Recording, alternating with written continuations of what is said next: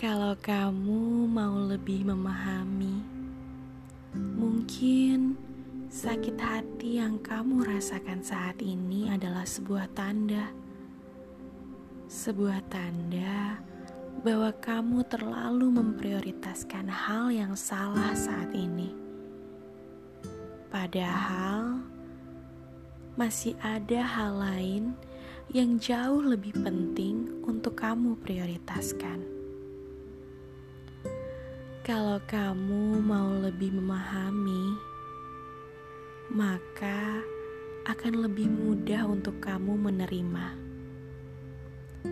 Menerima bahwa ini adalah jalan yang terbaik, jalan yang dipilih oleh Sang Pencipta untuk kamu, karena harusnya kamu paham bahwa Sang Penciptalah yang tahu apa yang terbaik untuk kamu, sedangkan kamu tidak tahu apa-apa.